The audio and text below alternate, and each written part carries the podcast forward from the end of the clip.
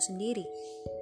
Barang yang dulu mungkin kau berjuang untuk mendapatkannya, tapi akhirnya teronggok tak berdaya di banyak sudut rumah. Berdebu, melangsa, tak terjamah. Mungkin terkesan lebay ya, tapi begitulah adanya. Drama menyortir barang pernak-pernik sungguh sesuatu. Apalagi waktu sampai di kategori mainan anak-anak, khususnya Lego, yang wujudnya ada yang begitu mungil, tapi sama sekali jauh dari kesan imut-imut. Sungguh benda mungil amit-amit itu semakin membuat perut ini serasa diaduk-aduk. Terlebih ketika mendapatinya berjumlah ratusan. Apa bu? Hitungin Lego. Segitu kurang kerjaannya ya? Hiks, sepertinya memang iya. Kalau bukan karena kelas berbenah ini, tak mungkinlah saya melakukan pekerjaan yang menguras waktu dan hati itu. Pun takkan pernah disadarkanlah saya akan kehilafan selama ini dalam menuruti ego dan nafsu, menumpuk barang-barang yang ternyata tak perlu. Saya bukan tipe orang yang mudah tergiur ini dan itu. Menurut saya, selama ini saya sudah berusaha menyederhanakan keinginan dan kebutuhan. Tapi setelah dua pekan kelas berjalan, tugas demi tugas pun terlalui, ternyata masih ada saja ditemukan barang-barang yang seharusnya mungkin lebih bermanfaat jika menemukan tuannya yang baru. Beberapa kali sempat menangis sambil begidik ngeri, membayangkan hisap di akhirat nanti untuk perintilan yang terlalu memenuhi rumah ini. Ngitungin sendiri di dunia aja segini puyengnya, apalagi nanti harus menghadapi pertanggungjawaban di yaumil hisap. Ya Robbana, ampuni hamba. Berada di kelas ini saya pun menjadi belajar tentang berbenah yang menyenangkan. Jika sebelumnya beres-beres rumah sambil ngomel dan menggerutu, kini merapikan menjadi aktivitas yang asyik dan tidak melelahkan.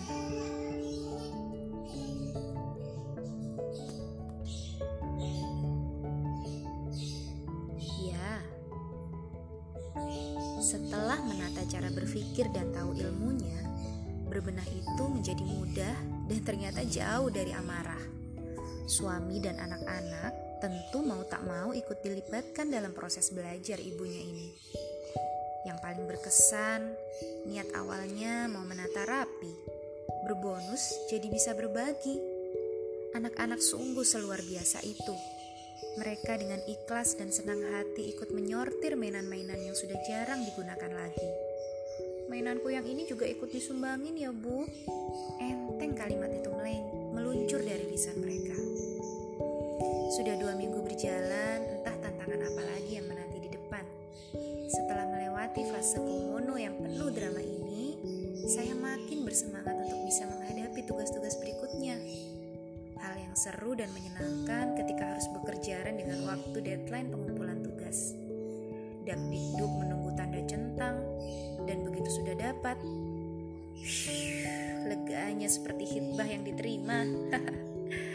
yang tak kalah seru dan dirindu adalah kelas diskusi yang selalu riuh dan membara. Barisan emak-emak yang bisa sedemikian barbar ketika mengetik obrolan, hingga beberapa kali saya harus memanjat jauh karena tertinggal beberapa menit saja.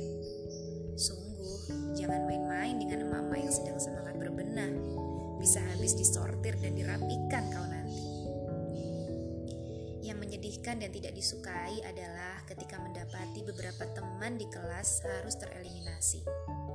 Ya, kelas ini sangat mengedepankan kedisiplinan. Jangan coba-coba lalai untuk terlambat atau bahkan tidak mengumpulkan tugas. Kesempatannya hanya dua kali saja Begitu sudah terkumpul dua kali nilai nol, ibu mentor dan asisten yang tegas tidak akan segan mengeluarkan kita dari grup. Dan saya sendiri sudah menabung satu kali nilai nol karena terlambat mengumpulkan tugas. Ya, semoga nanti bisa lebih baik lagi dalam mengatur waktu. Saya yang full di rumah masih merasa keteteran. Saya bisa membayangkan bagaimana perjuangan para ibu yang bekerja untuk bisa mengatur waktu mereka untuk bisa memenuhi tugas-tugas di kelas ini.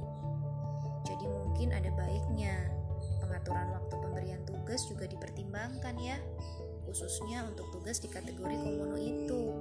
Bisa disesuaikan, diberikan di hari libur misalnya. Ya, sekalipun awalnya merasa dan bermula dari perasaan tak nyaman, saya sadar betul bahwa tujuan kesadisan dan kedisiplinan di kelas ini tak lain adalah untuk menempa mental kita di pertarungan yang sesungguhnya. Kehidupan nyata kita sehari-hari nanti, yang pasti lebih banyak dan beragam tantangannya, yang jauh lebih keras dan menyakitkan ujiannya. Setangguh apa kita menghadapi itu semua? Jangan sampai kelas berakhir, hal baik yang sudah terlaksana juga ikut berakhir. Harapannya tentu, hal-hal baik itu menjadi sebuah kebiasaan yang melekat dan tak terpisahkan dari diri kita.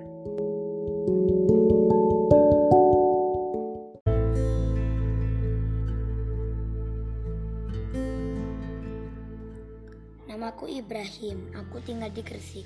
Harapanku adalah aku bisa melihat Allah di surga, maka aku harus taat padanya. Allah dengan sholat, sedekah, taat pada orang tua, puasa, menolong orang yang sedang kesusahan, dan masih banyak lainnya. Karena aku pemuda, pelanjut generasi Islam, memperjuangkan agama Allah. Seperti kata ustadahku, pemuda itu bukanlah ayahku, kakekku, kakakku, tetapi adalah aku.